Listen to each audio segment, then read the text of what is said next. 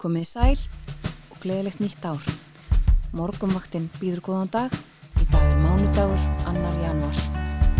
Þátturinn í dag verður mjög óhefðbundnu sniði. Við ætlum að leika tónlist og svo ætlum að velta fyrir okkur ymsum hliðum framtíðurinnar. Þetta gerum við með því að reyfi upp viðtöl sem við áttum á árunum sem er nýliðið sem öll snýrust um framtíðina. En fyrst. Heyrum Sinfoníuljómsveit Íslands leika hvað bóðar nýjárs blessuð sól.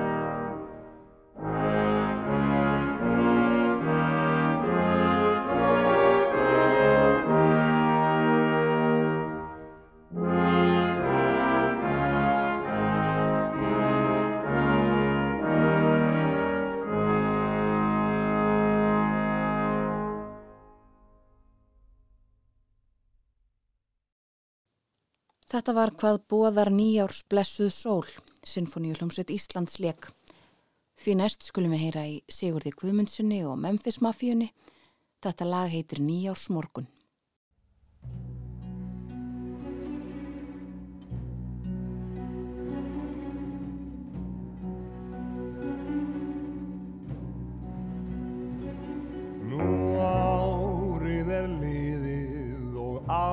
Aldrei það kemur tilbaka.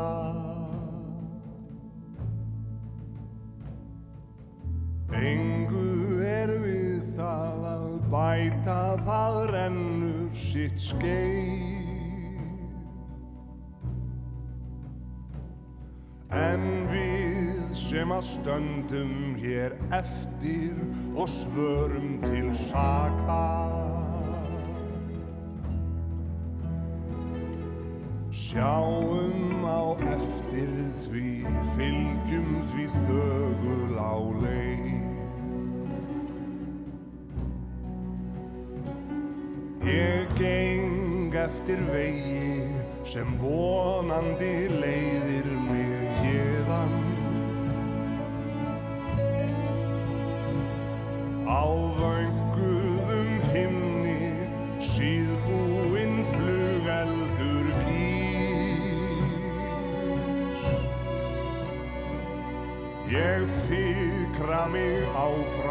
ég færi mig nær þér á meðan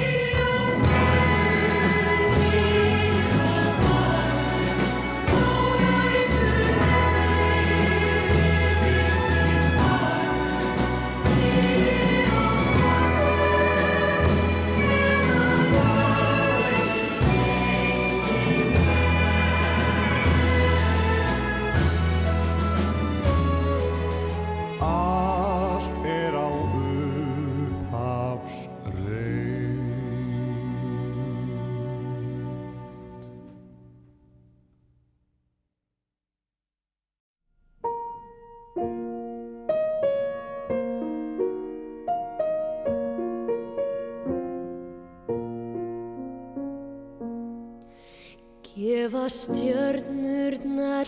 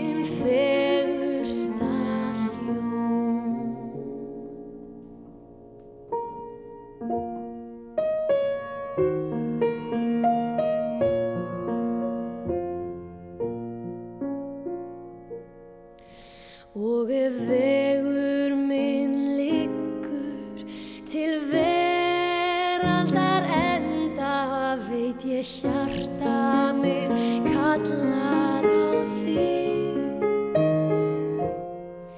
Já, yfir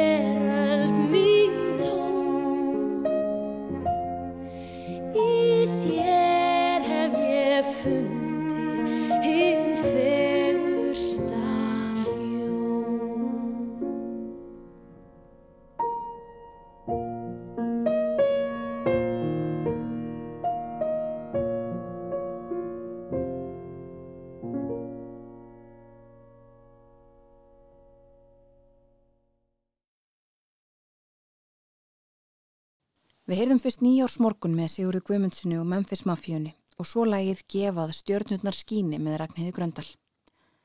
Höldum áfram í Stjörnum og hlustum á Ellen Kristjánsdóttur og John Grant syngja Veldu Stjörnu.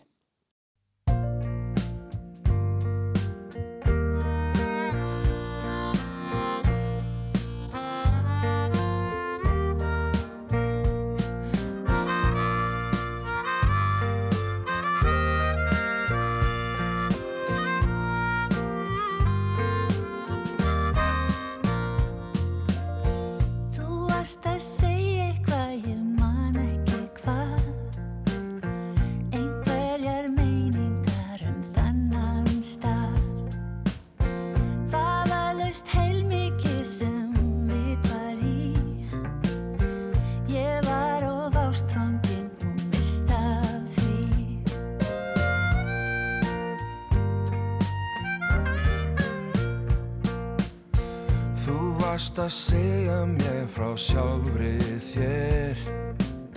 Satt best að segja fór það fram hjá mér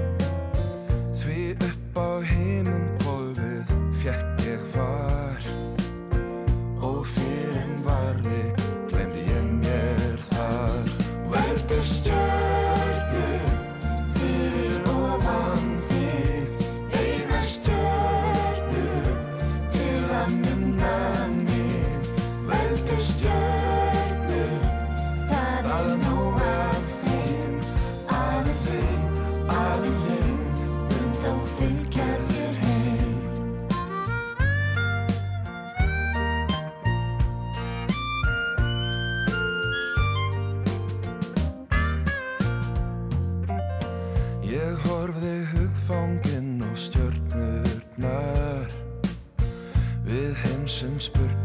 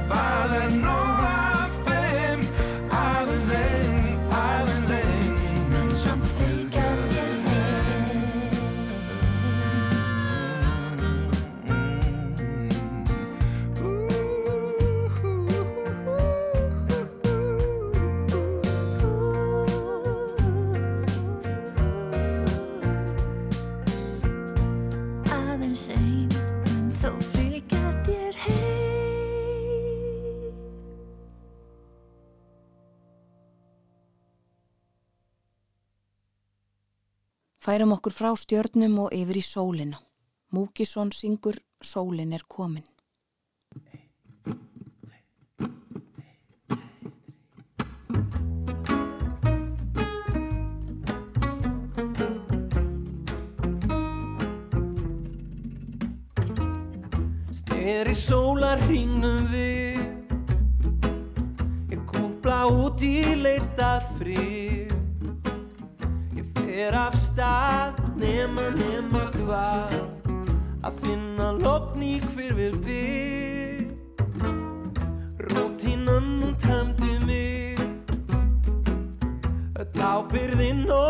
bylgjustíg og er það frá fúsa líkur á. Og loksu silt á hennu mig. Sólinn er kominn og hún hlið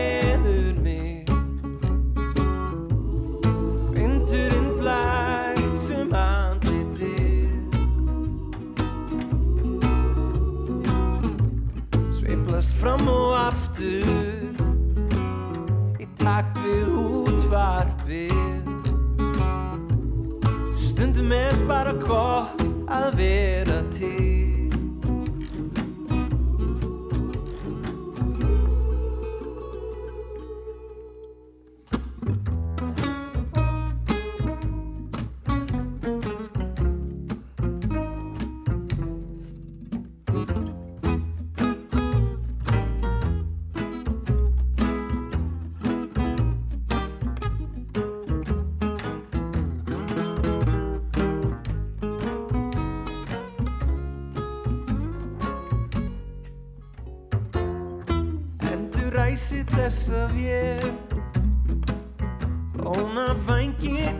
tókst ég Ég stappa af nema nema hvar. Finn í mér ást og líðu vel.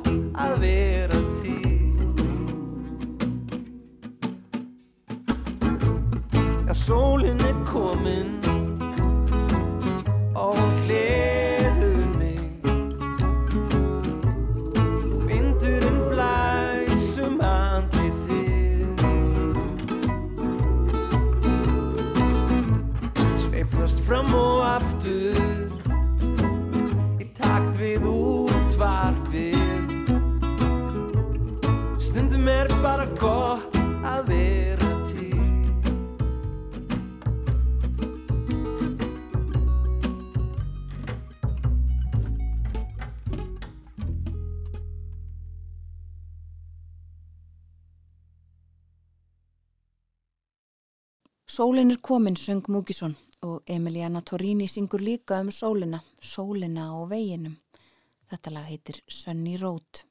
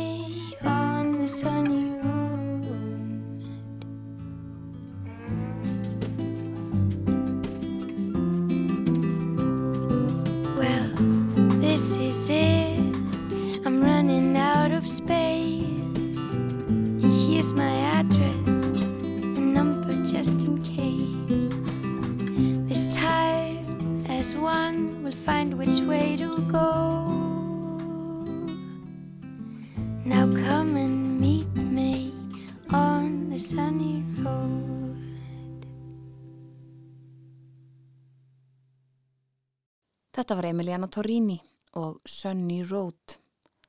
Þá skulum við heyra ný dönsk og Svanhildi Jakobsdóttur. Þetta lag heitir Á sama tíma að ári.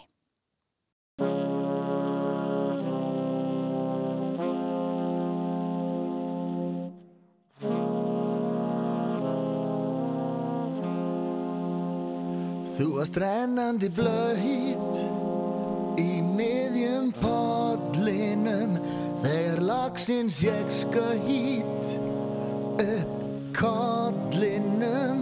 En þú kom svo seint. Sumir þurfa að millilendast Samt var flóið beint. Velkomin á leiðar enda mikið var það gott að þú skildir koma. mikið var það gott gast tekið á móti mér. Mikið var það gott að þú skildir koma og mikið var það gott að þú vildir koma til mín. Í hverju þinni styrnir af Votu kvarma tári. Ég sé þið nú samt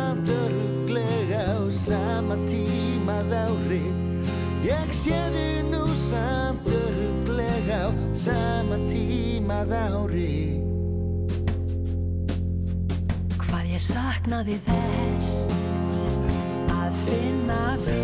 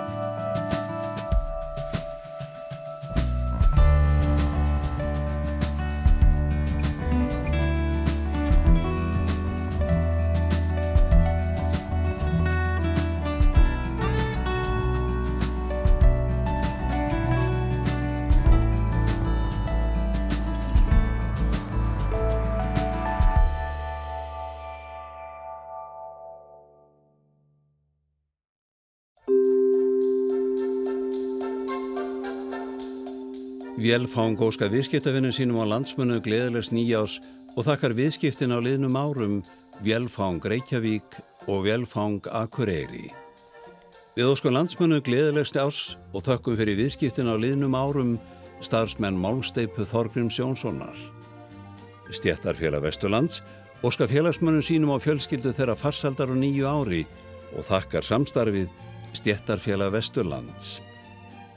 Sjókralega félag Íslands óskar sjókraliðum á landsmannum öllum farsals nýjárs og þakkar sjókraliðum fyrir frábært starf á erfiðum tímum. Þorpið vistfélag óskar landsmannum öllum gleðilegar hátíðar og farsaldar á nýju ári. Golden Seafood Company sendir viðskiptavinnum og landsmannum hátíðarkveðjur við þökkum fyrir 2022 og óskum ykkur farsaldar á nýju ári kveðja Golden Seafood Company. Við sendum viðskiptavinnum og landsmannum bestu kveðjur og óskýrum farsald á nýju ári og þökkum samskiptin á nýliðnu ári starfsmenn Múlalundar vinnustofu SIBS. Við óskum viðskiptavinnum og landsmannum gleðilegra jóla og farsaldar á nýju ári þökkum viðskiptin á nýliðnu ári starfsfólk kringlu kráarinnar. Ringiðan óskar viðskiptavinnum sínum farsaldar á nýju ári og þakkar viðskiptin Ringiðan elsta internettjónusta á Íslandi. Landsamtök lífeyrissjóða senda þér og fjölskyldu þinni hveðjur og óskýrum gleðilega hátíð og farsald á nýju ári Landsamtök lífeyrissjóða. Aðeins lífrænt kveiti í brauðin okkar, brauð og kó. Hýtablásarar, hljóðlátir og sætir, loft og ráftæki.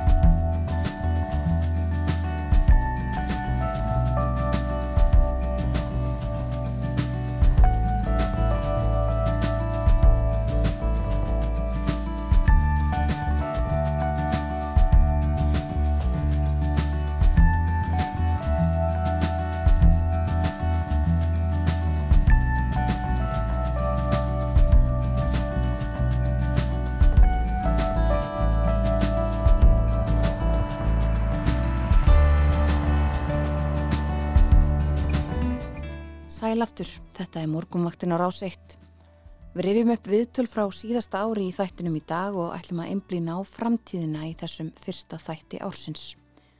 Heyrum fyrst viðtal Björnsþórs Sigbjörnssonar við Berglendi Áskirstóttur sendiherra.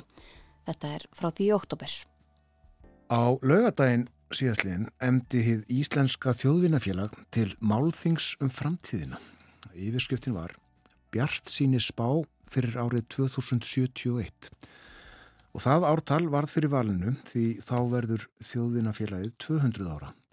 Það var sem sé 150 ára í fyrra. Og erindi flötu Ólafur Ragnar Grímsson, Petur Væs, Kristrún Heimistóttir, Haraldur Þorleifsson, Marja Elisabeth Bragadóttir og Berglind Áskistóttir. Og þau fengi ekki önnur fyrirmæli en að tala um Ísland árið 2071 frá eigin brjósti en Bjart síni spá. Og Berglind Áskistóttir sem var ráðunettistjóri og sendiherra og starfaði fyrir Norðurlandaráð og OECD, hún nefndi sitt erindi nýr mannuður. Hún fjallaði um fólk sem sæst hér að, hvernig við tökum á mótið því og hvernig það getur bætt Íslands samfélag á svo margan hátt. Velkomin í þáttinn Berglind. Takk að þið fyrir. Já, þú valdi nú umfjöldunarefnið ekki út í bláin og og það segir líklega sitt að þú talar ekki um útlendinga eða nýja Íslendinga eða eitthvað slíkt í yfirskriftin heldur um mannuð. Já, á þessum fundi voru við að horfa til 2071 og það var að tala um að vera með bjartsýnisspá. Ég skilirti mína bjartsýnisspá tölvert. Ég byrjaði náttúrulega að segja að það er kannski að tiltöla litlu máli undir okkur sjálfum komið hvernig staðan verður á Íslandi. Það er aðstöðu þetta fyrst og fremst af ytri aðstæðum. Er friðvænlegt í heiminum, hvernig þróast umhverjismál, fer íbúafjöldi jarðar yfir 10 miljardar, það voru bara 2,5 miljardur þegar ég fættist en það sem við gerum í dag hefur all gríðarlega langt í márhif og uh, ég sagðist telja að þegar að kæma því sem við getum gert sjálf þá væri ekkert sem myndi hafa jafn mikil áhrif á það hvort við getum leift okkur að vera bjart sín uh, væri það hvernig við tækjum á móti fólki sem kæmi hingað í atvinnuskinni eða leitaði hér í var. Og uh, þetta byggir auðvitað á skoðun þinni á málunum, þú er uh, rannsakað efnið. Já, ég hef, ég hef skoðað þetta uh, aðanlega í Kanada en ef við setjum þetta aðeins í stóra samhengi þá eru núna uh, rúmlega 61.000 manns að, sem eru ellendi ríkisborgar á Íslandi og þetta samsvarar hvað íbúafjölda alls Kópavóks, Seltjarnanes og Garðabæjar. Þetta er fjöldin sem hefur komið hérna raunverulega á stuttum tíma. E, áður en að EES-samningurinn gekk í gildi þá voru þetta kannski nokkur hundur manns. Ég fætti í Ólasvík, þegar ég fættist voru 600 íbúa þar en á hverju ári komum 200 færiðingar til að vinna en þetta voru reynir farandverkamenn. Stóra breytingin hér á okkur er það að mikil meiri hluti þeirra sem kemur hingað mun setja stað hvort sem þau hafa ákveð það í upphæfa eða ekki og ef að okkur vantaði staðfestingu á þessu þá komum nú heldur betur í ljós í vor í sveitarstjónarkostningum. E, þá máttu allir 18 ára og eldri kjósa sem höfðu búið hérna í þrjú ári eða lengur. Þá voru 32.000 atkvæði í bóði fyrir flokkana. Mm. En ég skal segja það, ég held bara flokkanir hafi ekkert átt að sjá þessu og því síður fólkið sem var öðlast kostningarétt. Þannig að það var meiri segja einn útskýring á léleri þáttingu sveitastjórnarkostningunum var þetta. Þú ert eiginlega að segja að meiri hluti alls þessa uh, fólks, uh, þessa mikla fjölda, 61.000 manns, uh, stendur utan við samfélagið sem slíkt? Sko, fólkið er afar lítið sínilegt. Það tekur ekki mikið þátt í félagstörfum eða samfélagsumræð. Þetta er bara staðreint. Og uh, þess vegna fagna ég alveg sérstaklega þegar ég heyrði fréttin í gærnum það að það eru komni hlaðvarpstættir á pólsku. Það sem er reynd að setja ellendu borgarna inn í það sem hvað er verið að gerast á Ísland. Það er ekki einsunni nóg að kunna íslensku ef þú sérð ekki hlutina í samhengi. En ég kallaði erendi nýr mannöður. Því það eru auðvitað stórkoslegt fyrir okkur að hafa fengið svo margt fólk hingað sem er að taka þátt í uppbyggingu landsins. En við tölum alltaf um fólkið, það tala um vinnuafl en þessir nýju íbúar eru svo miklu meira en vinnuafl. Þetta eru fólki sem mun verða nýjir Íslendingar. Og hvað eru við að gera til að gera fólki kleift að verða nýjir Íslendingar? Og uh, það sem að ég hef mikið skoðað svona samburðagögn og hort alveg sérstaklega á minn gamla vinnustad OECD og sangkvæmt gögnum, samanbyrðagögnum uh, uh, sem meðlans koma frá Íslandi þá, þá vil ég nefna tvö, þrjú mjög, mjög sláandi dæmi. Uh, það er skilgreint í hverju landi hvað er fátækt eða fátæktar mörg og ef við horfum þar á ellendu ríksborgarna uh, hvernig er staða með þau þá erum við með yfir 50% sem falla í þennan flokk að vera fátæk en eru samt að vinna og hér erum við með bandaríkjunum á Sviss þetta er eitt hæsta hlutvartin. Nú, fólk býr við þrönganhúsnæðiskort og allavegna helmingur eru ofmentaður fyrir störfin og ég var á fyrirlestri þar sem kom fram meir en 40% af þessum ellendur ríkisborgurum eru með Íslands ríkisfang. Það, fyrir ekki að við erum með háskólapróf. 40% eru með háskólapróf, ég held sé herra en meðal Íslandinga. Og það er mikið áhyggjefni varðandi þennan mikla mannuð hversu illa fólki gengur að fá prófin sín viðkjönd. Já, tölum aðeins um þetta einmitt. Áðmentaður, helmingurinn er áðmentaður fyrir störfin sem þið gegna. Já. Og það þýðir einfallega að uh, fólk er með mentun, uh, ljómandi mentun úr ljómandi háskólum en fær ekki að vinna við það sem það lærði. Nei, og um, það sem kom fram í, í samtölum við, við um, all nokkra var það að fólk með góða mentun og góða færni í íslenski tungu er að sækja um störf sem krefjast mikillar reynslu og mentunar, þau komast ekki í viðtöl vegna þessar nafni er ekki rétt. Og í nokkrum tilvikum hafa vinnumiðlanir ráðlagt fólki að skiptum nafn og þetta finnst mér alveg ótrúlegt því það eru áratugir síðan við breyttum lögum um ríkisborgarétt þannig að fólk þurft ekki lengur að skiptum nafn. Hva, hva, hvar eru við eiginlega eila stödd og uh, þú getur ímyndaður hvað fólk er vansælt sem fær ekki að vinna við það sem það hefur lært en þá getur við spurt okkur af hverju gengur svona illa að fá próf viðkend. Þetta er allstaðan vandamál. Þetta er ekki sér íslenskt e, fyrirbriði en e, oft á tíðum er fólk með mentun sem er kannski mjög samsvarandi eða það vantar ekki mikið upp á og uh, við erum auðvitað að reyna að brúa þarna bil en þarna getum við gert miklu, miklu betur með að, að þú getur ímyndað hvað við erum að missa fólki sem gæti verið að fara í störf sem er mikil skortur á fólki og þetta þurfum við að gera.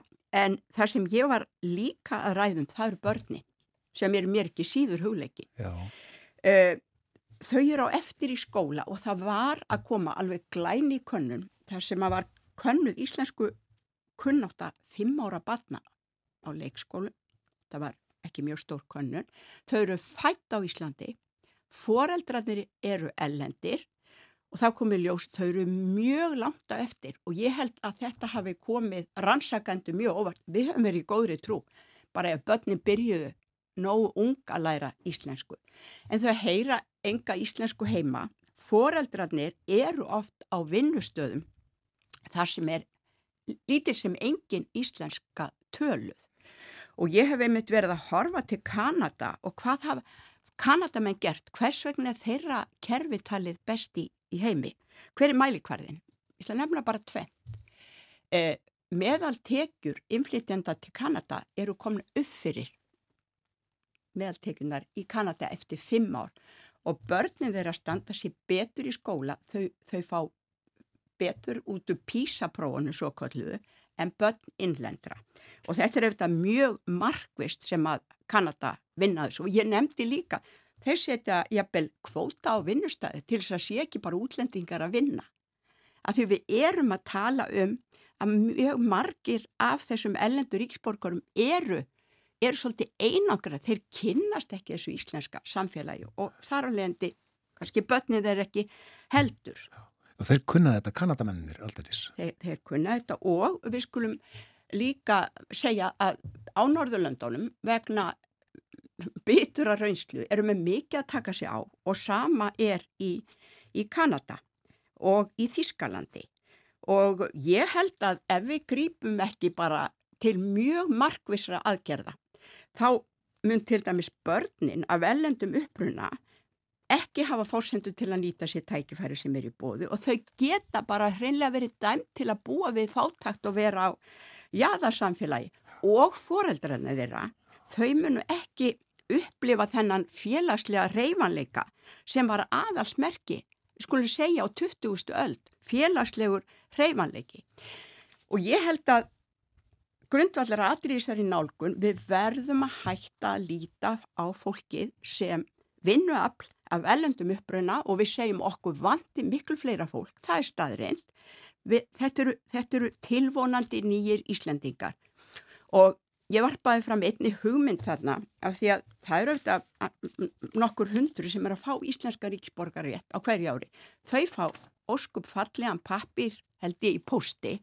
Af hverju taka nú sveitafélagin ekki upp á því að halda hátíð árlega til að fagna þessum nýju íslensku ríksborgurum í sínu sveitafélag. Það var þetta gert í tengslu með 17. júni eða annað. En láta þessa nýju Íslendinga finna að þau eru velkomin.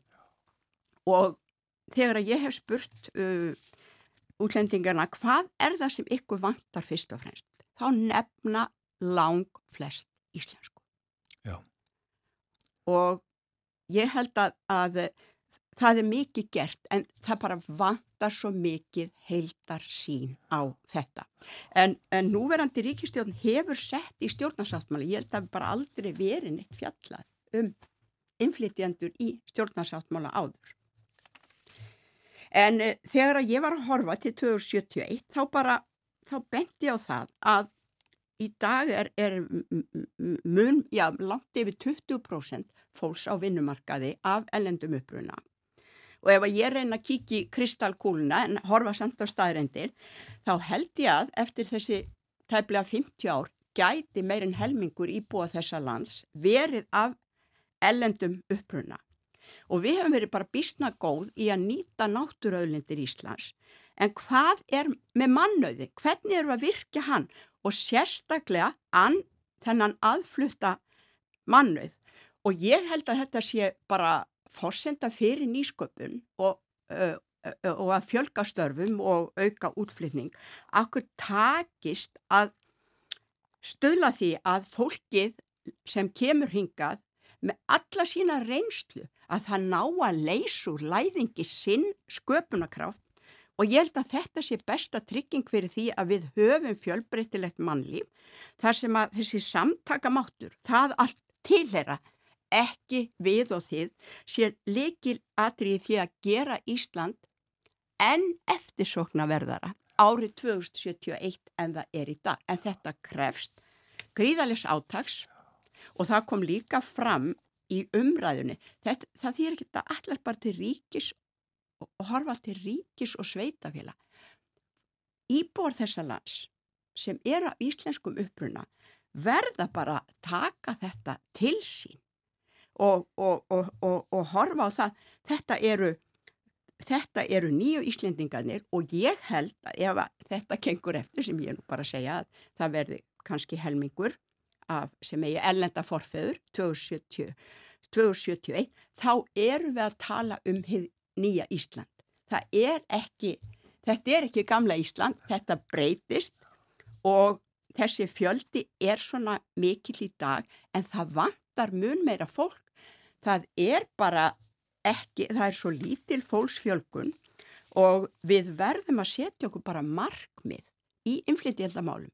Kanada er að alla sér að fjölga þjóðinni með inflytjendum og auka hagsælt og fá menningarlega og félagslega fjölbreytni. Hjá okkur er ekki markmið í lögum með að fá útlendinga til hansins. Ég held að við þurfum kannski að byrja á því. Það er samfélaginu til góða og uh, það stendur eiginlega ekkert í veginu með það berglind nema afstáðun. Já, að við spyrjum okkur uh, hvernig við sjáum landi fyrir okkur en þá verðum við að vera betri í áallanagerð. Hvað þurfum við? Við þurfum að skilgreina þörfina. Við gerðum mikið átaki að, að kynkreina tölfræði. Kanski þurfum við að, að hafa tölfræðina miklu betri um það sem snýra fólki af ellendum uppruna. Við vitum allt og lítið. Allt og lítið um þessa 61.000 einstaklinga sem búa hér og það bara, það bara gengur ekki. Á þessu þingi hjá hennu Íslenska þjóðvinafélagi á lögadaginn að uh, þá áttur að leggja fram Bjart sínisbá. Ertu Bjart sín á að þetta legist? Já, ég held að fólk sé að vakna og ég, mér finnst það að verið mjög mikið fjallað um þetta á, á undarfarnum árum. Smátt og smátt er þetta aukast, við tölum um þetta bara sem íslensku kjenslu en það er svo miklu, miklu meira. Og ég finn það bara þegar ég verða að ræða við fólk eftir að ég fór að, að svona einbeta mér að þessu að það er áhig, það er vilji, það er nú búið að skipa núna ráþæranemt um, um, um inflytjendur og flótamannamál, þannig að ég held að sé vegna en Þetta verður að málta ansi sterkum litum til að vekja upp fólk. Það gengur ekki bara samtök atvinnlýsins og samtök innærens haldi áfram að tala um. Það vantar fleira fólk.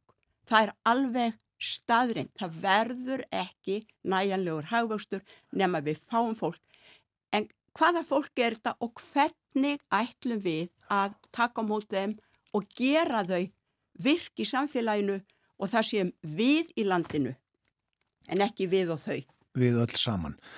Já, þetta fólk er ekki bara að koma til fyrirtækjana, það er að koma inn í samfélagið og uh, gera það betra. Mannauður, ég nefndi það hér fyrir þættinum að þetta er ofta eiginlega bara svona orðablaði eða, eða hugtak. Það er ekki kafað ofan í hvað þetta þýðir. Þetta er auð, auðlind aldinis. Já, þetta er hugvitið sem við erum að tala um. Uh, við, við erum svo auðug af náttúruauðlundum en hugsaðir sangkvæmt spá hagstofunar.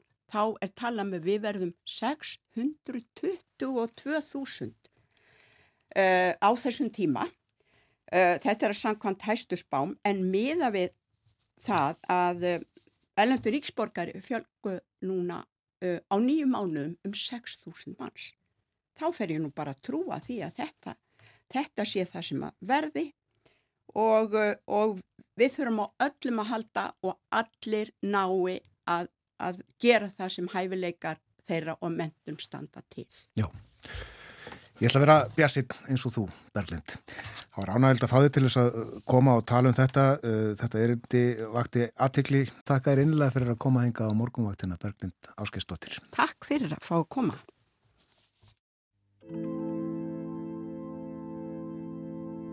Nú sólinn er hnýin út við sjóndeildar hring Nú sefur drótt. Englarnir vaka þér yfir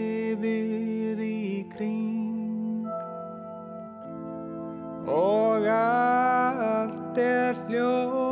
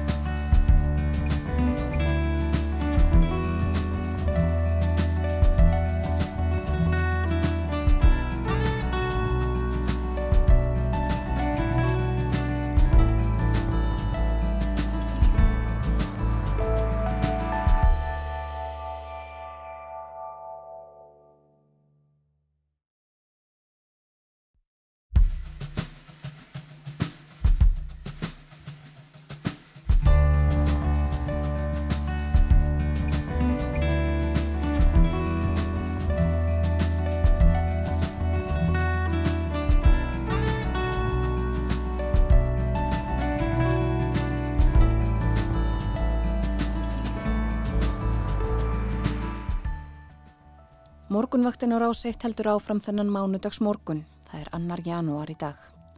Við höldum áfram að ræðum framtíðina. Í byrjun apríl kom á morgunvaktina Smári McCarthy fyrverandi þingmaður. Hann var formaður framtíðar nefndar forsætisráþara á síðasta kjörtumabili. Björn Þór Sigbjörnsson og Sigriður Halldórsdóttir rættu við Smára. Nú ætlum við að tala um framtíðina en uh, sömari 2018 tók til starfa framtíðanemnd fósættisráþara og það var í samræmið við stjórnarsáttmála síðustu ríkistjórnar og hlutverk nefndarinnar er þrýþætt að fjalla um áskoranir og tækifæri vegna tæknibreitinga, áhrif tækni framfara og hérna svokvöldu fjórðu yðnbyltingu fjalla um þróun þeirra megin ströyma sem að koma til með að hafa mótandi áhrif á samfélagi til framtíðar engum með hliðsjón af þróun umhverfismála og líðfræðilegum þáttum. Og að stuðla að upplýstri umræðu um tækifæri og ógnanir framtíðarinnar og nefndina á að vera virkur umræðu vettvangur um framtíðar fræði. Og Smári McCarthy þá þingmaði Pírata var skipaður formaður en uh, þingmenn allra flokka sitja í þessari nefnd. Smári let nýverið af formensku en ekki lengur á þingi og þess má geta að uh, þessa dagana eru nefndamenn þau sem að sitja í framtíðanemndin í dag í Helsingi og ræða þar framtíðina við fólk þar í borgum. En smárið er komin á morgunvaktina okkur langar að fórætnast um framtíðina eins og hann og nefndin sá á hana og svona hvernig við getum búið okkur sem best undir framtíðina. Velkomin til okkar smári. Takk fyrir það. Hvernig var reyna að sjá fyrir þið ókomna? Já, það er nefnilega merkilegt. Það er ekki hægt að spá fyrir um framtíðina en maður getur gefið sér ímislegt, maður getur að horta á minnstur, maður getur að horta á, á svona stærstu ströymana, á áhrifavaldana, drifkraftana og leitt líkum að ímsu og það er hægt að búa til líkun, sviðismyndir, það er hægt að um, svona, já, reyna að púsla saman einhverju mynd. Og það er einmitt eins og var sagt einhvern tíman að, að öll líkun eru raung en sum líkun eru gagleg og ef maður er einhvern veginn dæmdur til þess að hafa ránt fyrir sér þegar maður er að reyna að spá fyrir um eitthvað þá getur maður allavega að reynda að gera það á gaglegan hátt þannig að, þannig að þetta var svona svolítið uh, já, við, maður þarf að vinna þetta á þann hátt Já, já. og náttúrulega hitt sem kannski skiptir miklu máli í þessu er að þegar maður segir já, nú ætlum ég að hugsa um framtíðina þá er maður oft líka á sama tíma að gefa sjálfum sér leifi til þess að hugsa á opin og og svona uh, segjanlegan hátt um nútíman út fyrir einhverja bæjasa eða trú sem maður hefur svona, uh, maður, maður fær að sleppa öllu, öllu þessu sem maður svona gengur yfirleitt með, með sér Þannig að þetta gagnast líka í núinu. Algjörlega og kannski fyrst og fremst þess að ef þú sérð fyrir þér eitthvað, eitthvað vandamál sem gæti mögulega gerst eftir 20 ár þá getur þú brúðist við því núna og það er svo upplugt Mm. Sko, hversu langt hóruðu þið fram með tíman? Við vorum yfirleitt að uh, hugsa um svona 15-20 ára tímabil og þetta er kannski eitt af því erfiðasta þegar, þessi nefnd tók til starfa að við þurftum svolítið að afmarka okkur þegar, að, þegar maður fær svona rosalega viðfemt viðfangsefni í hendunar að segja, já ok, skoðið framtíðina ok, gott vel, veist, hún er óendla lung og, og það eru öll málefn undir þannig að við þurftum að afmarka okkur og við, við ákvæðum að taka uh, tímbil svona í kringum uh, að vera að horfa í kringum 2035 Já. sem svona grunn Já. Og uh, þetta unniðið í, í nefndinu þetta samhliða þingstörfunum, Já, þau eru tímafreg. Já, já það, við vorum stundum í, í uh, basli við það að klóra út svona smá tíma til þess að nefndin gæti hist og líka til þess að vinna alla vinnuna sem að er ekki að eiga sér stað bara á fundunum, eh, öllu undirbúningsvinnan og, og allt það. Já. Tæknibreitingar eh, eru þetta þarna undir Já. og þú ert á heimavelli þar, eh, verið tölubransanum Jú, jú. lengi. Einmitt. Uh, er eitthvað hægt að segja til um uh, hvað verður komið fram hér í, í tölvum eftir 10-15 ár? Uh, já og nei, ég meina það eru alltaf á uh, á sjóndeldarhengnum ákveðnar tæknibreitingar sem að, sem að fólk er búið að vera að spá því að myndu gerast mjög lengi. Það er talið um að gerfigreind væri bara alveg að fara að koma. Uh, núna er hún svona smám saman farin lítið dagsins ljós en, en fólk saði að hún kæmi kannski eftir tíu ár alveg frá árinu 1970 þannig að hérna þannig að við þurftum að býða eins lengur eftir henni. Á sama tíma um, það eru velþekkt lögmál um, um til dæmis fjölgun uh, transistora í örgjörum og, og rafrásum sem að hef, það hefur vita mjög lengi að það myndi fylgja ákveðinu hérna, ákveðinu minnstri og það hefur haldist alveg bara mjög vel. Þannig að sumt er auðveldra en annað að spá fyrir um þar. Já, já. það, það er kannski sem skiptir máli í, í tæknilegu þróunni er að sko jú, þú, þú tekur það sem að þú veist að muni gerast alveg já, nema eitthvað klikki með í reikningin en þú gerur líka alltaf ráð fyrir því að það gæti orðið einhver meiri háttar bilding til dæmis ef að uh, kjarnasamrunni er því að einhverju. Það myndi gjörbreyta orkumarkaðum og núna erum við alltaf að sjá fleiri og fleiri ummerki þess að, að það gæti orðið að, að veruleika. Þannig að, já. Já. Þetta er að erlendi fyrir fyrirmynd, er það ekki? Jú, um, þetta var að einhver leiti byggt á hugmyndum frá Finnlandi og það útskýrir ferðina sem núverindi framtíðanemnd alþingis er að gera þar. Uh, eitt af því sem við náðum að gera í lokin á tímbilinu uh, síðast var að færa þess að þetta úr því að vera tilraunaverkefni inn í fórsæðisöðanutinu yfir það að vera först nefnd inn á alþingi. Já. Og það er held ég svona stóri sigurinn ef, ef svo mætti kalla í, í framtíðanemdar uh, vinnunni á, á, á þeim tíma sem ég var í henni að gera þetta að einhverjum fasta hjá alþengi. En jú, þau, þau eru í Finnlandi núna að tala við uh, framtíðanemdin þar væntalega og kynna sér hvað er hægt að gera með svona fyrirkomulegi þetta var eitthvað sem við vorum alltaf að reyna að gera en svo kom COVID þannig að, þannig að það var flókið. Einmitt. og en þetta er... farið til Finnlands Finnlandir býstna snjallir. Já, algjörlega, en það eru líka fleiri lönd að gera svipaða hluti. Um, Dubai til dæmis er með uh, framtíðar stopnun sem að uh, er ekki þar, það eru ímsar framtíðar fræðstopnunir í bandaríkjunum og, og mjög víða um heiminn eru einhvers konar vettvangur til þess að skoða þessa hluti. Já. En er, eru margir og er víða verið að pæli framtíðinni hérna á Íslandi?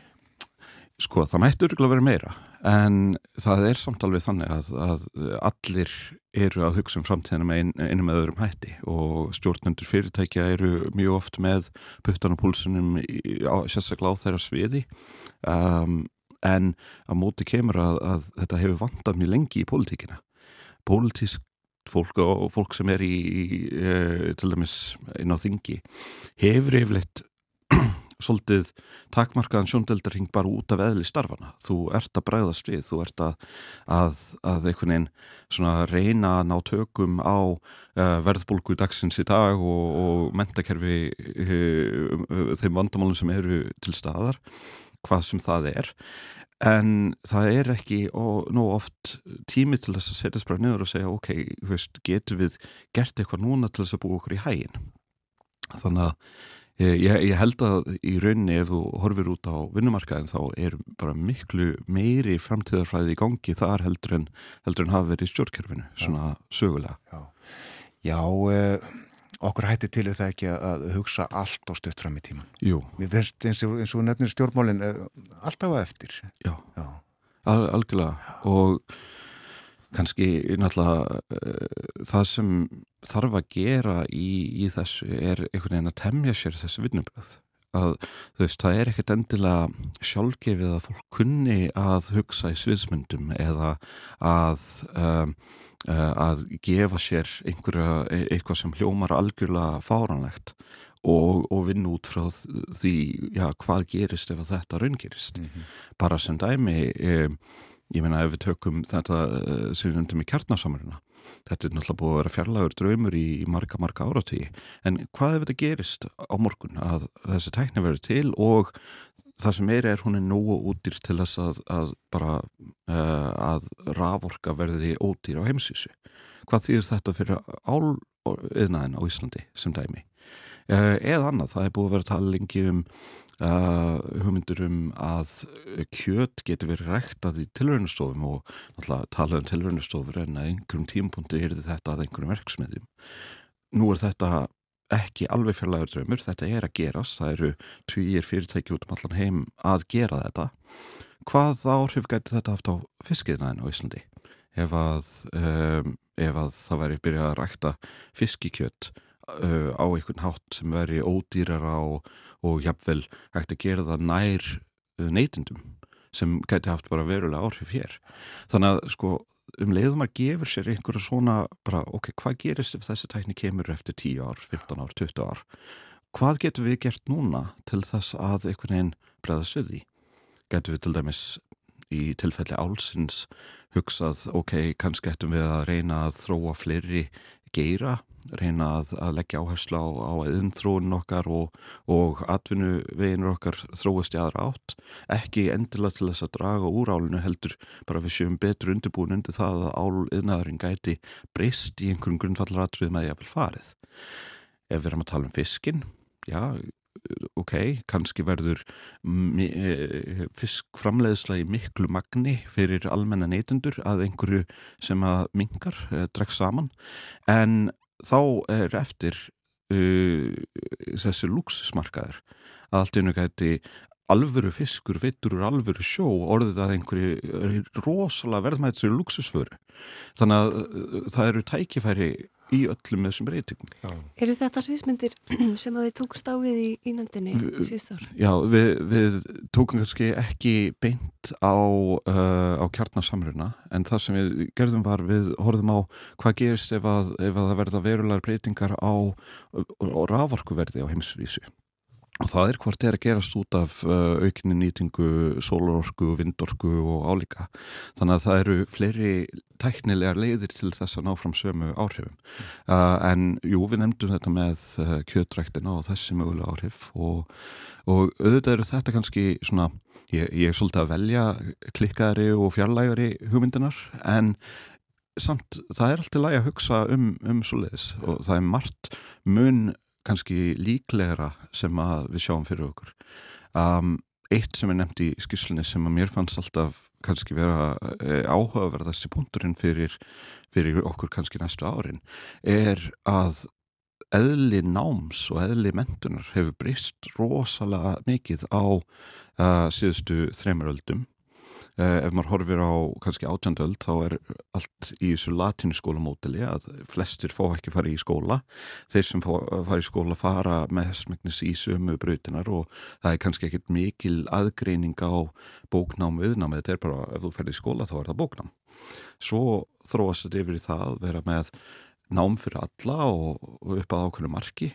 En síðan með uh, svona 20-stöldinni þá, þá var til það háskólamódel sem við þekkjum í dag sem er með þessu já, að allir fara ákveði langt í, í því sama, grunnskóla og jafnvel framhalskóla einhverju leiti síðan verður þessi aðgreining á yðingreinum og, og bóknámsgreinum og síðan verður rosalega mikil dýft og mikið af, af uh, námsbrautum álíka.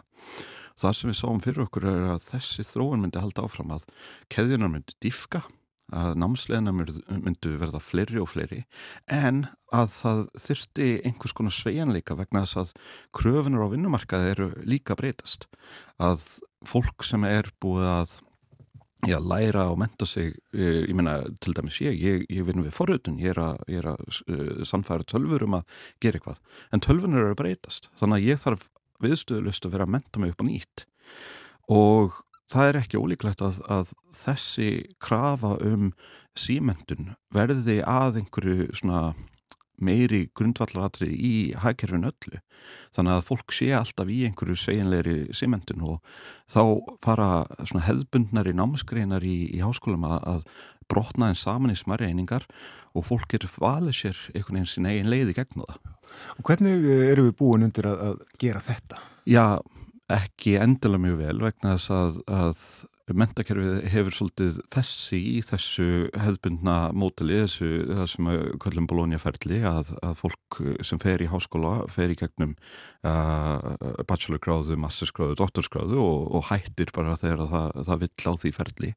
En uh, það sem hefur verið kallað svona uh, svona að fara milli greina og satt uh, nú, nú vantar mig orðið en, en um, uh, það hefur einhvern veginn verið rosalega mikið svona ekki beint anstaða, allir segjast allavega að vera til í það, en þegar fólk reynir að, að blanda saman mörgum og ólíkum greinum þá einhvern veginn lendir það ofta vekk þannig að þetta er eitthvað þar sem að þróunin á bara eftir að eiga sér stað Þú sér fyrir þér að, að við verðum stöðugt að læra eitthvað nýtt. Já, það er enn það, með, það er með formlegum og skiplegum hætti. Já, klálega og e- einmitt, það er kannski formgering e, á þessu sem er merkileg e, möguleg þróun. Já. svo gæti náttúrulega eitthvað annað gerst. Kannski, e, kannski ræti ströymur í Vanillich um að, um að við afskólum samfélagið en, en kannski er það líka órinnhæft, við vitum það ekki. Segðu okkur aðeins meira um hvernig lífið verður á Íslandi hér eh, 2050 þar um bil Já, ok. Um, Þetta er svo stór spurning hvað á maður að byrja?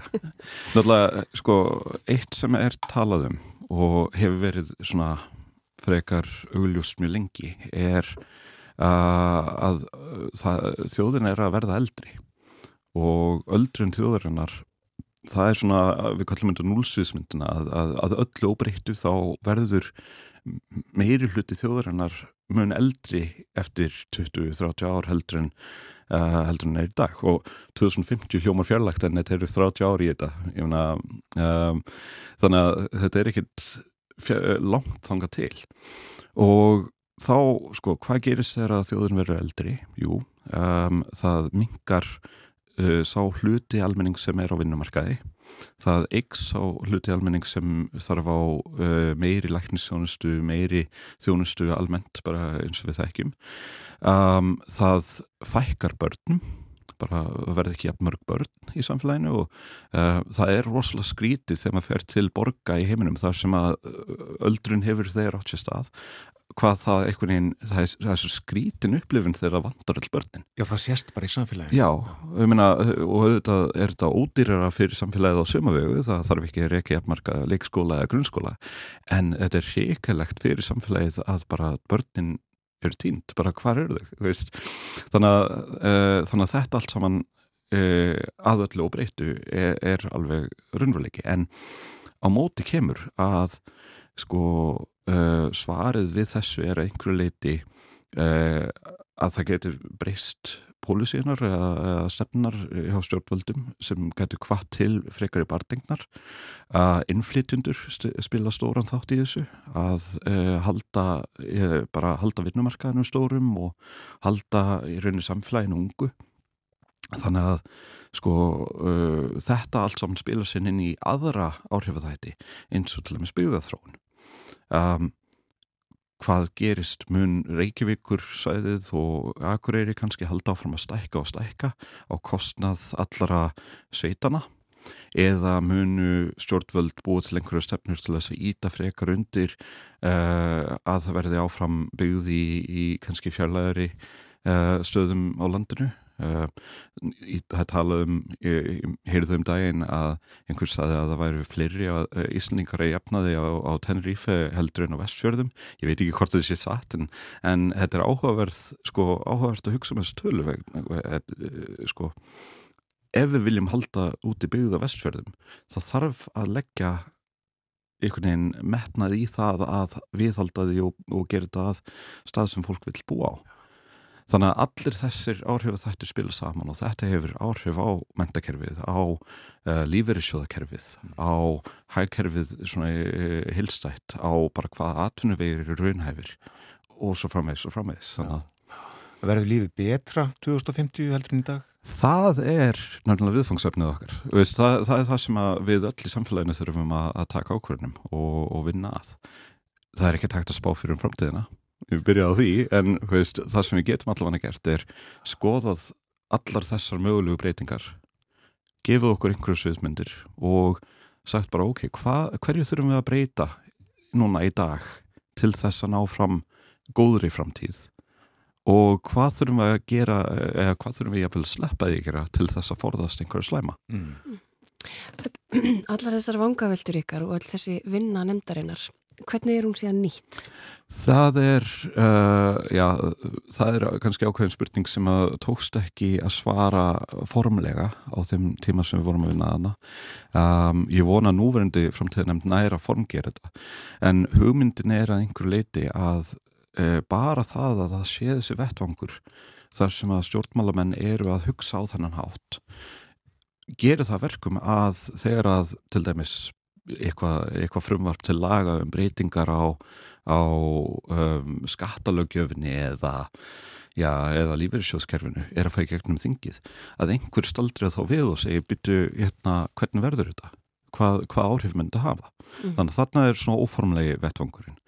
Það sem kannski þarf líka að gerast er að það sé einhvern veginn formlegt ferli til þess að taka uh, þessar skýslur og þessa vinnu og ber hana út í öll ráðunitin og jafnvel út í samfélagið með, með uh, svona viðrætti og sjá hvað er hægt að, að uh, taka tillit til í nútímanum. En hlut af því eru þetta líka að það þarf að yfirstíga svona pólitísku uh, tilhenguna til þess að vilja bara ekki trúa ákveðinu breytingum. Og það er hægur að sættin gert oft. Menna ef að, ef að uh, þín pólitíska sannfæring byggist á því að allt verði eins á morgun og það var í dag þá er ansi erfitt að, að komast út úr ákveðnum svona hugmyndafræðilegum hólum Já. þannig að þetta tekur oft tíma. Akkurat, uh, það var gaman að fá þið ynga í þáttinsmári uh, til þess að segja okkur frá þessu starfi nefndarinnar. Þið skoðuðu vantarlega svona fyrri spádóma skýslur eða, eða sviðsmyndir sem að dregnar hafi verið upp um framtíðina en er það ekki sko svona þemað í þerri sögu að, að fólk hefur giska ramt á hvað munir Jú, auðvitað, eh, ég meina eins og ég bara saði upp að við sko eðlið þess að hugsa um framtíðina er að mann mun alltaf hafa ramt fyrir sér. Já, já. en ef það er hægt að hafa ramt fyrir sér og gaglegan hátt þá, þá er hálf sigurinn innun þannig að þérna, en minna, jújú, jú, við horfum á til dæmis skýrslu frá byggðastofnun uh, frá hinnum þessum stofnun við spurðum líka stofnunir út um, alla, uh, um all land bara hérna háskóla og alls konar uh, til þess að reyna að fá einhvers konar hugmynd af því hvernig fólk er hugsað út í samfélaginu fræður þetta þessi spátumar fræður þessi spátumar um, um fljúandi bíla. Já, það held ég var aldrei raunhæft, getur ímyndaðir hvað myndi gerast ef hjólkoppur myndi losna undan bíl sem er uh, svona á, á flugi? Það fær ekki vel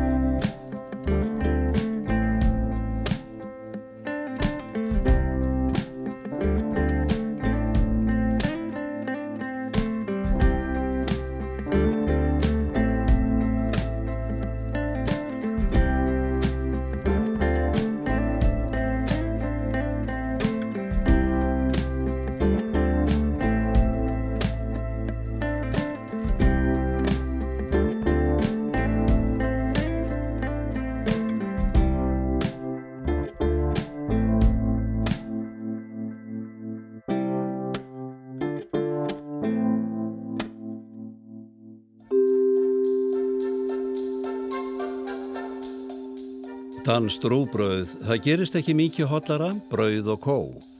Guðjón Kettilsson, Jæja, Kjærvalstöðum, síðasti síningadagur í dag, opið til klokkan 17, listasab Reykjavíkur. Dagatalsköpurinn 2023, Litróf.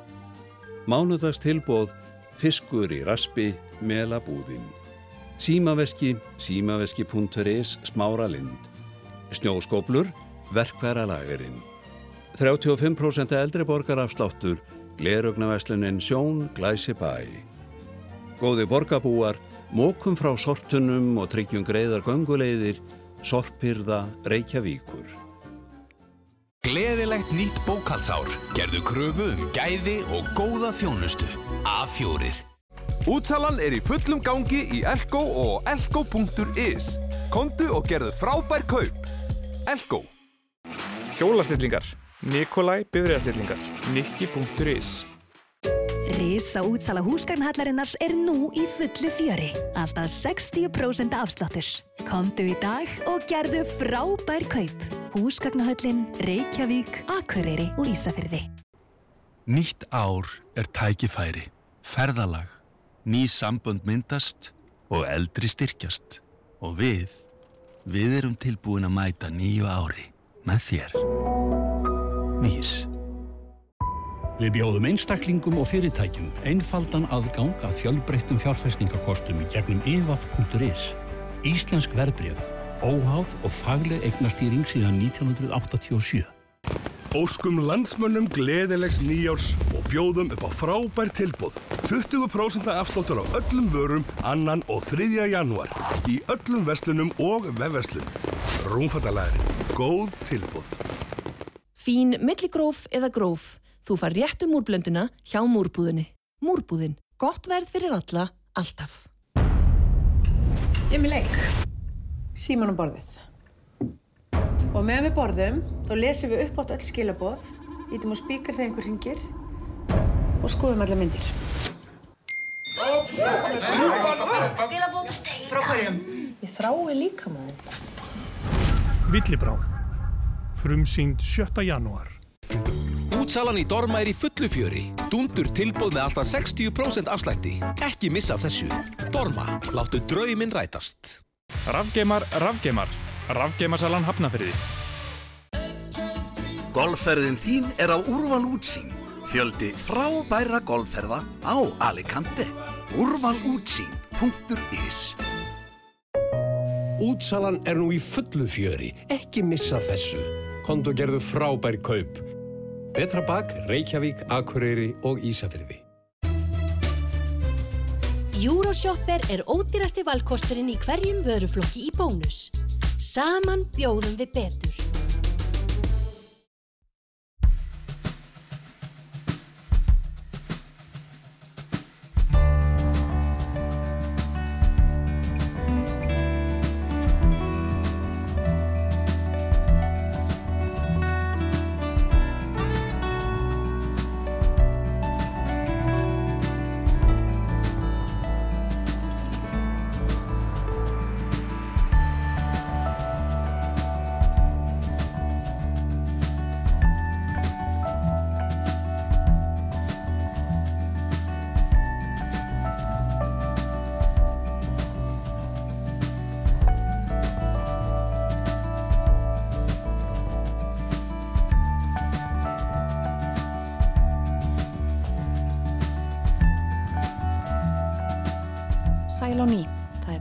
Síðasta hluta morgunvaktarinnar í óvenjulegum búningi í dag. Við heyrðum áðan viðtal við Smára McCarthy fyrverandi Þingmann sem fór fyrir framtíðarnemnd forsætisráþara á síðasta kjörtímabili. Það var ekki fyrsta nemndin af því tægi. Í april kom á morgunvaktina Vilhelmur Átnason profesor í heimsbyggi en árið 1984 var hann starfsmöður verkefnis sem að snýrist um að kanna framtíðina. Framtíðarkönnun á vegum stjórnvalda. Björn Þór rætti við Vilhjálm. Fyrir fánu vikum fjölluðum við um framtíðanemnd alþingis sem að sett var á fót 2018, nefndist á framtíðanemnd fósættisráþura. Smári McCarthy, þá þingmaður Pírata, var formaður nefndarinnar á síðasta kjörtíðanabili og Smári kom á morgunvaktina og saði svolítið frá starfinu. Þetta er ekki fyrsta sinn sem að stjórnvöld reyna að búa sig og þjóðina undir framtíðina. Steingrimur Hermansson setti á lagetan mikið starf í þá veru í fósættisráð þeirra tíð sinni. 1984 var ráðist í framtíða könnun sem að svo var kölluð. Framtíðar horfur voru kannaðar og gerð tilrönd til að sjá fyrir helstu breytingar á þjóðlífinu næsta aldar fjórðungin.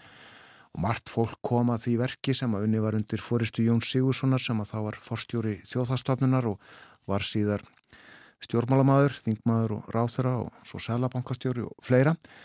En Vilhelmur Árnarsson heimspekingur var starfsmæður verkefnisins sem var mikið að umfangi sjömanna frankandanemnd og fjörtjumanna ráðgjáðanemnd og hún var skipið valenkunni fólki víðað úr samfélaginu. Vilhelmur er komin á morgunvaktina, góðan dag. Góðan dag. Manstu þetta vel? Já, já, þetta nú príðilega. Ég, hérna, ég starfaði nú einhver með tveimur hópum af, af, af þessum, af, þetta eru margir hópar sko en, og Ég starfaði einhver með heilbreyðishópi og, og, og, og menningarhópi og, og svo átti ég nú líka að, að hérna að, og var byrjaður að vinna á Sand Birgi Árnarsinni hagfræðingi, að við áttum að skrifa sko svona heldar yfirlitsritið og það er til í draugum, ég var að skoða þetta. En bara draugum?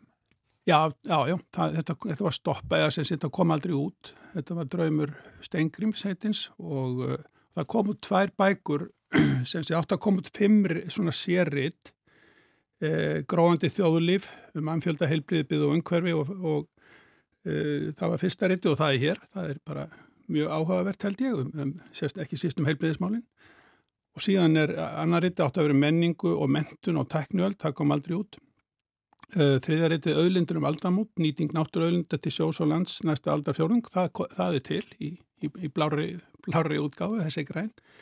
Fjóruðaritið framfara öld, efnahans horfur fram yfir aldamót, það kom ekki út. Og fymtaritið lögjöf og landshægir, lögjöf og stjórnarfar, fjárhagurins ofinbera, miðlun og myndum fjármags og það kom ekki heldur út. En, en við vorum með þetta allt saman í, í, í nægilegum draugum til þess að, ég og Birgir, til þess að skrifa svona yfirlitsrit sem að hétt í dögun nýrar aldar, svo hefði nú greinlega streikað við þann tíður og skrifað Ísland um aldamót, þetta var svona í mótun. og þetta var svona handrit útkrótað og, og já, nokkru eitthvað annað hundra síður. Já. og mjög áhugavert veist mér að blaði í. Já, ég skal trúa því.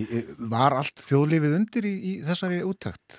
Já, það má segja það, það eru, ég held að það hefur verið 16 svona starfshópar með, með, með hinn og þessi málin. Eins og þið heyrðuð á upptalningunni, þá, þá er mjög mikið undir og Ég hugsaði mynda, ég held að sko, orðið sviðsmyndir var ekki notað á þessum tíma. Ég held að það hefði átt, átt mjög vel við. Það var verið að draga upp sviðsmyndir á hennum ólíku, ólíku sviðum og, og ég minnist mjög, mjög til dæmis minnist staðir, staðir að funda á heimili Gilva Þóttin Gíslasonar þá var hendur á þeirra með, með mönnum eins og Mattias Jónisson og Átni Bergman og Jóni Þóraðinsinni sem var hérna tónlistastjóri og Sveini Einarsinni, þetta var menningarhópurinn Þannig, og við hittum þreglulega heimili gilva já, já, já, og svo var ég sem sé helbiði sopnum sem að, sem að skrifaði hér sem sé undir, undir stjórn Bjarnar Þjóðleifssonar Læknis, hann var fjölmennur hópur. Ekkert sambarlegt að það hefur verið gert áður, hér er það? Nei, ekki svo ég veit ég, hérna, en það var, sko það var e, tölver reyfing þá ellendi svona um, um framtíðafræði Og, og þetta er ennþá, menna, þetta er til sem til dæmis einn, einn íslenskur heimsbyngur sem að, sem að e, fyrirvendir nefndi minn sem að starfa í Stokkólmi, hann hefur verið við Institute of Future Studies þar og, og maður sér þetta öðru hverju og það, þetta eru svona sé mjög, mjög mikið til dæmis þar verið að takast á lofslagsmálinn og sviðsmyndir þeim tengdum að, og ég, og sko, ég tók líka þátt í ráðstefnu hérna, það var til hérna framtíðarfélagi held ég að hafi heitið og er kannski til en þá, ég man að hafa ráðstefnu haldinn eh, svona í kringum þessi árs, kannski 87-8 og, og Steingrimur var alltaf svona mikill áhuga maður um þetta, Páll heitin Skúlason var, var þarna og við, það var haldinn svona alþjóðlega ráðstefna og ég man við vorum eitthvað út í við þeir og Já, já, þannig að þetta var, þetta var út af fyrir sig mjög áhugavert og merkilegt en það er líka auðvitað, sko, maður sé til dæmis sko, að skoða til dæmis þegar verður að spá í sviðsmyndir á, á sviði menningar og verður að giska, aðeins svona í loftinu þetta, sko, að geti komið tölvupóstur, sko, og slíkir hlutir og það er svona, það getur verið einkennlegt að lesa svona, ég mann þegar ég var að, ég fór auðvitað að tala við marga menn eins og þá er hann til post og símamála stjóra og var að taka með að viðtala um það hvernig hann sæði þetta fyrir sér og svo var maður að reyna að skrifa einhvers konar framtíða sínum um notkun þegar maður geti farið að fá rafrænan post í, í tölvuna sko. Og svona, það er í dag, sko, þetta eldist ekki sérlega vel en, en auðvitað er allt svona, minna, svona, svona hefur náttúrulega bara sagan verið menn hafa verið að reyna að kíkja inn í framtíðina og, og, og, og það segir heilmikið líka bara um, um tíman sem þetta er skrifað á og þetta, sko, þessari framtíð lög 2010 Einmitt. sem hortu að framtíð en það er yfirskrift hérna á reytröðinni Ísland 2010 já. og já, já, þetta var góð reynsla og ég held að þetta til dæmis gerði það eitt af því sem var til þess að ég einbetti mér af því að vinna mikið á sviði siðfræði heilbíðismála og skrifaði sem sem mína fyrstu bókum um það, siðfræðlífs og dauða. Það var vegna sem ég fór svo mikið inn í heilbíðismáli meðalans út af þessu sko. Já, það er nú oft verið sagt um okkur Íslandinga að við séum nú ekkert sérlega góðið að hugsa til framtíðar Var, var fólk svona opið fyrir þessu og, og, og gatt sett sér í einhverja stellingar? Já, já, það er nú svona, það var auðvitað misjant eftir hópum og, og það auðvitað er eins og, eins og sagt, þetta er eitthvað þar að gera, þá er maður að byggja þá sem eru uppteknir og hérna, þetta var auðvitað allt saman fólk sem var mjög bundi, þetta var greinlega, ég horfið við listana, svona, þetta var mjög karlægt, sko, það voru þó uh, nokkra konar, eftir engin kona í menningarhópnum sem ég nefndi á hann. Nei En, en já, þetta voru, sé, og það var oft svona vandin að, að kannski að ná fólki saman og, en, en svo voru við þarna starfsmenn og, og ég til dæmis skrifaði allt sem tengdist, tengdist menningarhófnum mm -hmm. og, og síðan fóru þeir yfir það og svona en, en hérna, en svo líka var bara, sko, ég skilst sko að, að og ég las einhverja frétti kringum það að, að sko þegar verða stjórnaskipti þá, þá hafi já, ég held að Davíð Oddsson hafa voruð fórsætsræður á eftir stengrimi og, og, og þá var ekki lengur áhuga á að láta verkið sem sé e, fylgja verkinu eftir sko. Ah. Ég mann síðast eftir símtali, ég bjóði í bandargjónum 88-89 og þá var ringt í mig það verið Hallgrimur Snorrason þá var hann til Hagstofustjóður sem ringdi í mig og, og þá var verið svona blása til já kannski, já nú þurfum við að reyna að klára þetta og, og Sko, þetta, Stengrimur Hermansson setur þetta stað í fósættisáð þeirra tíðsynni, uh, þetta er þetta 1984 sem þetta hefst, svo í kosið er það ekki 87 og Þorstein Pálsson verður fósættisáð þeirra í uh, ár, svo Stengrimur mm -hmm, aftur á kjörtíðanbílinu og þá hefur hann kannski reyndað að, hérna, Já, að setja þetta stað ég, á ný. Ég, ég laðist ekki nóg vel í þásu eða sem sé. En, og svo er kosið 91 og þá verður Davíð fósættisáð. Já, það getur verið að þá hafið það endanlega. Já farið út á borðinu og enda framtíðin fann að stittast Já, og þá sjö, sjö ár liðin af, af tímabilinu. Ég las í morgunni í, í kynningu tiljöfnin í þig mm. og varst í, í viðtali við DFF 1987 og, og ég ætla að hafa þetta yfir aftur. Þegar ég hugsa til framtíðar finnst mér það eitt skiptamáli að menn verði orðin færari um að ráða málum sínum en þeir eru nú. Þau mál sem ég hef í huga eru margskonar, heimsmálinn, þjóðmálinn og alls konar mál sem lúta meirað enga hugum fólks. Á öllum þessum sviðum er það nefnda samskonar vandi sem stæðar að, en það er skortur á einlægum og skinsanlegum samræðum manna á milli. Hvernig eh, gekk okkur með þetta? Já, áður en ég svara því, þá kannski finnst mér mjög aðeinsvert að ég hafi svarað á þessum nótum þarna um, um framtíðina því að ég, ég held reyndar að þetta sem ég segi þarna sé bara rauði þráðurinn í öllum mínum skrifum í fræðum síðan og, og uh, þetta um, um samræðuna, það er svona stefið. Og uh, ég, ég held nú að hvernig okkur tekist til, það, það er auðvitað mjög stór spurning og ólíkt eftir, ólíkt eftir sviðum og, og En, en eitt auðvitað sem ég er ekki augun í, það sem ég er að tala um hérna að nú, nú sem ég ekki tala um byltingu í hvers konar bóðskiptartækni í heiminum og, og það, ég er greina bjart síðan á að hún geti orðið til þess að reynsa út úr skúmaskotum heimsins eins og ég segi Já. og nefnir nú periströyku hérna í, í Sovjetríkjónum sko og, og það sé ákveðin von í lofti um, um að en þetta er auðvitað eitt af því sem hefur grafið undan samræðum þegar, þegar því meður það sko, auðvitað, sko Það er, þetta er tvíbent, það eru auðvitað ímsir möguleikar tengdir netinu og, og, og samskiptamiðlunum sem að hafa eflaust eh, orðið til einhverja framfara í einhverju tilliti. En ég, ég held að til dæmis að þegar talaður um, um kreppu líðræðis í samtímanum þá er það ekki síst vegna eh, misnótkunar samfélagsmiðla, upplýsinga, óreiðu og og þessara svona uh, algoritmísku misnótkunnar á, á því hvernig fólk er fóðrað á, á upplýsingum og, og þannig grafið undan skipulega undan skinsamlegum skinsamlegri skoðanamyndun. Svo ég nóti nú orðfæri hér frá sjálfum mér um, um hérna skinsamlegu samræðu. Já. þannig við lokumst inn í, í Bergmánshellum eh, sérum líkra og, og, og það verður ekki samtal heldur svona styrking þeirra fordóma sem höfum fyrir. Já og ekkert sem bendir til að það muni breytast alveg á næstunni, eða hvað?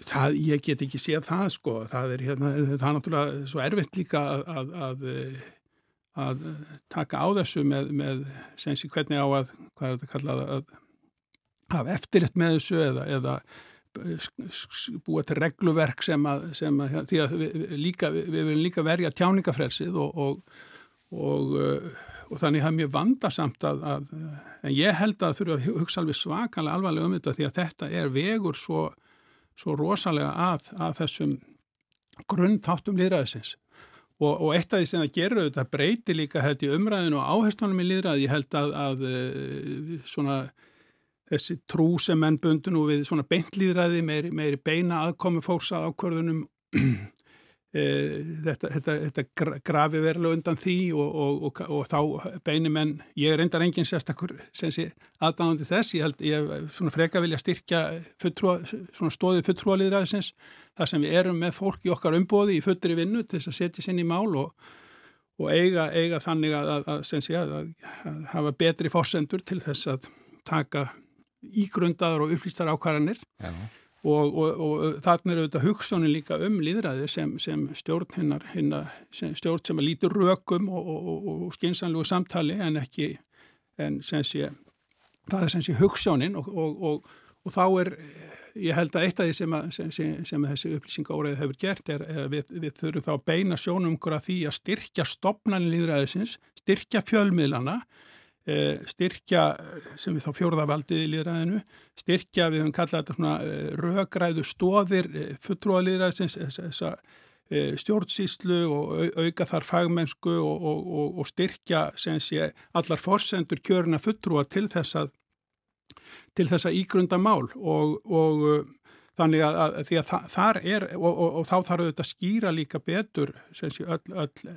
hlutverk á, á, á sviði stjórnmáluna þannig að, að menn einmitt e, ræki betur þetta, þetta umboð sem, a, sem að þeir hafa frá, frá okkur, frá, frá þjóðinni til þess að, að fara með þetta vald og þannig að sko Já, ég held, að, ég held að þetta sé það sem við þurfum að gera og síðan þarf við að leita leiða til þess að, og, og það eru í fræðunum þetta margs konar hugmyndir og kenningar og alls konar tilraunir í gangi um það hvernig megi skapa svona, svona skipulegan umræðu vettvang með, meðan, meðal uh, valins fjölda fólks uh, sem að fær þá nægt næði og nægar upplýsingar til þess að, til þess að velta málum fyrir sér en, en þetta verður kallaði svona rökræðu þing eða, eða og, og Og það er, er eitt að nú gert hér í hvað fyrir tveimur árum um, um, um stjórnarskrármál held ég og, og þetta eru aðtækksverða tilrunni en, en vandin er alltaf hvernig á síðan að, að, að, að flytja þessa niðurstöður inn í hinn ofinbyrju stjórnmál. Það, það, er, það er vandin að brúa hann á milli sko. Já, stjórnmálmennum, uh, já þeir telja sig ekki bundna nokkur sköpum hlut sem að kemur svona utan úr bæ og Nei, ekki nema að sé einhvern veginn sko form, formbundi þá í, í, í ferlið sko. Akkurat.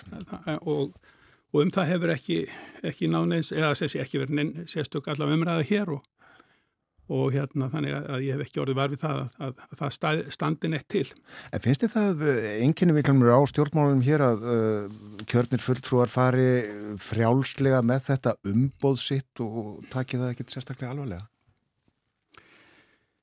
Já, það, allavega, það er hérna, en já, ég held að, að, að, að það mætti sannarlega svona standa betur að því, ég held að það þurfa svona, sko við erum náttúrulega ofta að tala um hérna á mínu sviði að til dæmis um, um, um, um síðareglur í stjórnmálum, það er ekki vegna að það sé mikið veit að hafa eitthvað plagg sem að þannig að menn geti þá sett krossi við það, já nú erum við konum í séðareglu heldur vegna þess að það, það sem séðareglu gera á þessu sviði er að menn leggja það skýrt niður fyrir sér og gera það heyran kunnugt, gagvart almenningi, þetta eru þær skildur og, og, og svo ábyrð eh, sem að fælst í okkar hlutverki, þannig að menn leggji, eh, virkilega sko, leggji vinnu í að, að öðlast skýran skilning á þessu hlutverki sem er eh, þjónust af almannahag og maður verður ekkit volið mikið var við svona kannski, að, og þetta, þetta sem skiptir máli held ég að, að hvað hva er þetta hlutverk sem, sem, að, sem maður gengur inn í við það að verða kjörinn þingmaður eða, eða ráðherra? Og, og við ræðum meira þetta hlutverk, það er skildur og þá ábyrg sem að í því fælst og, og, og gerum það þá skýrar gagvart almenningi umbjóðendunum hvernig þeir, á hvaða forsendum þeir geti dreyið fulltrúa sína til ábyrðar. Já, þessu tengt. Uh, Og þannig eru fjölmiðlarnar auðvitað líka uh, feikilega mikið væri. Þessi auðvelda, sé, auðvelda þessa umhugsun uh, almennings. Já, það er ótrúlega mikil óanæðir sem að mældist með, með framkvæmdina og sölu Já.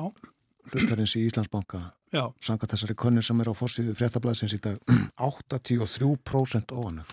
Manstu aðra eins óanægi með eitthvað sem að stjórnvöld hafa gert hér?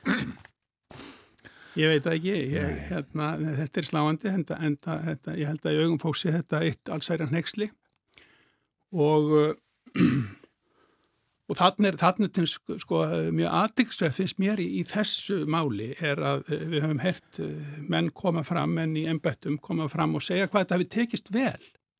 Það hefur allt verið eins og það átt að vera, góð sala, uh, góð egnadreifing, uh, já, allt hafi bara verið eftir bókinni og, það sýnir einhvern svakalett sko bíl á milli það og þetta, ég, ég veist ekki um að þarna séu menn að tala í einlægni og, og, og af skinnsemi eins og þeir sjá það. Hérna, en, en þarna er bara eitthvað, eitthvað svakalett bil í, í mati á því hvað skiptir máli og, og þarna er líka munun á því að fara eftir reglum og verkferðlum, það er óalega mikið tísko að segja ef eitthvað, eitthvað fer illa, já við, við erum að endur skoða verkferðlana og nú er þess ríkistóðin verið endur skoða verkverðlana með því að leggja niður bankarsýsluna og, og, og færa þetta nær alþingi. Það nota ekki þetta orðalega þetta er, þetta er sam, samskona hugsun. Og, já, menn geta farið eftir, eftir reglum og verkverðlum en það vantar einhvers konar, já, bara hins siðferðilega þátt skulum við segja, Hva, hver, hver eru heilindin í málunu og mjög mikið þetta tala um það hvað var sagt og hvað var ekki sagt og Þannig að samræðan, samræðan millir þeirra sem fórum með máli, gagvart lögjafanum og, og tala nú ekki um þá gagvart fjölmiðlum og almenningi, það, hún, var, hún var greinilega mjög gloppótt, þannig að komu, komu allir að fjöllum Já. um hvað gerðist og, og, og eftir stendur þetta nexli. Aðtiklifrært líka bæði þessu máli og almennt eiginlega fólk á mjög erfitt með að, að átta sig á eigin mistökum hvað þá að viðkynna þau. Já, já, það hefur náttúrulega verið plaksiður í, í, í stjórnmálum sérstaklega sko að e, það hefur verið talað svo mikið veikleikja við að kenna mistöksin. Ég held að þetta, ég vona þetta eftir að breytast. Þetta, til dæmis að, ég held til dæmis að það getur verið tækifæri fyrir, fyrir stjórnmálamann sem, sem verður á við að kenna mistöksin, bjóðast til að segja af sér.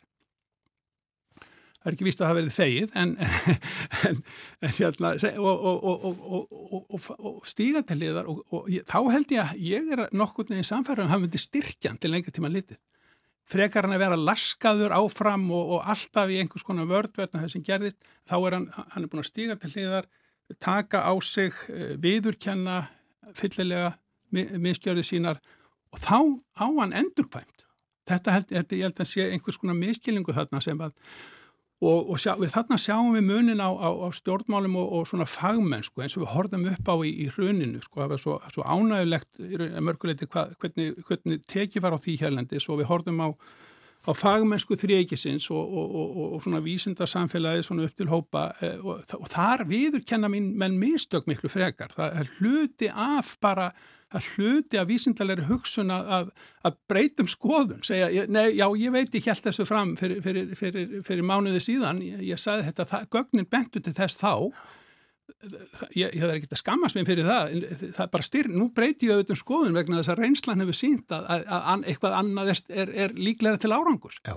En svona, svona þessi orðræða, sem sé að gangast við, sem sé þessi opins, opinskáa umræða, hún, hún á, á ekki, hún, er, hún næri ekki inn í stjórnmálun og það er auðvitað vegna, þetta, þetta er auðvitað bara allt öðruvísi svið, er, þar er hernaðalistin sé, og, og valdatablið í gangi. A, akkurat. Þetta er einhver leikur sem við skiljum kannski ekki öll, eigum ekki gott með, hann er mjög skrítin. En uh, já, uh, þú varst í viðtali uh, 1987 og kallaður eftir samræðum, einlægum mm. og skinsalögum og framtíðin, hún var þá 2010 Já. Og hvað varst þú að gera þá? Jú, þú varst að skrifa síðfræðið kabla rannsóknarskíslu alþingis út af hruninu. Já, það er rétt. Mm. Já, ég var að því 2010, það er rétt, já. Hún kom út í april 2010. Bendur okkur á að, að þetta fór nú kannski ekki alveg eins og vonaðist eftir. Nei, nei, það gerðist þarna, það urðu þarna, það var mikil vending í mittiltíðinni og, og, og, og í stjórnmálunum og hugmyndafræðinni og hérna og og það, það var þannig var raunið af, svo maður segja, ekki tilviljun. Það, það, það voru margir þættir sem að byggu í hæginn fyrir það ánast að þetta ætla, ætla nokkuð tíma raun, en, en svona, svona gerist nú hlutin, þetta ófyrir síðar afleðingar af, af, af pólitískum ákvörðunum og, og já, þetta var þetta flókið samspil, en hérna Margir sem mistu tökkin á sjálfum sér og, og öðru Mjög margir og, og ef ég má nefna sko líka inn í þetta samengja þegar ég saði sko þetta er, þetta er, þetta er samræða í, bæði í, í, á ofnbærum vettvangi í, í störfum og, og í engalífi að þið bara sko, hver er algengasta umkvörtunum efni sjúklinga til, til landlæknis. Það var ekki hlustað á mig. Þessi samtalið, sko, samtalið og, og, og svo þegar, að, þegar að hlut, slæmi hluti gerast eins og við höfum hort upp á hér í, til dæmis í, í kveik hörm, hörmuleg frásögn og þá, þá er svona, já, eitt tráðurinn í svarinu við þurfum endur skoða verkferðla. Akkurat. Þetta, já, þetta verður svolítið svona og, og, og uh, þannig ég held að sa, samtal, í, í, í faglega samtal er líka feikilega mikið vett. Kæra þakki fyrir að koma til okkar í gáða morgunvaktina, Vilhjálmur Árnason. Takk hjálpa fyrir að bjóða mér.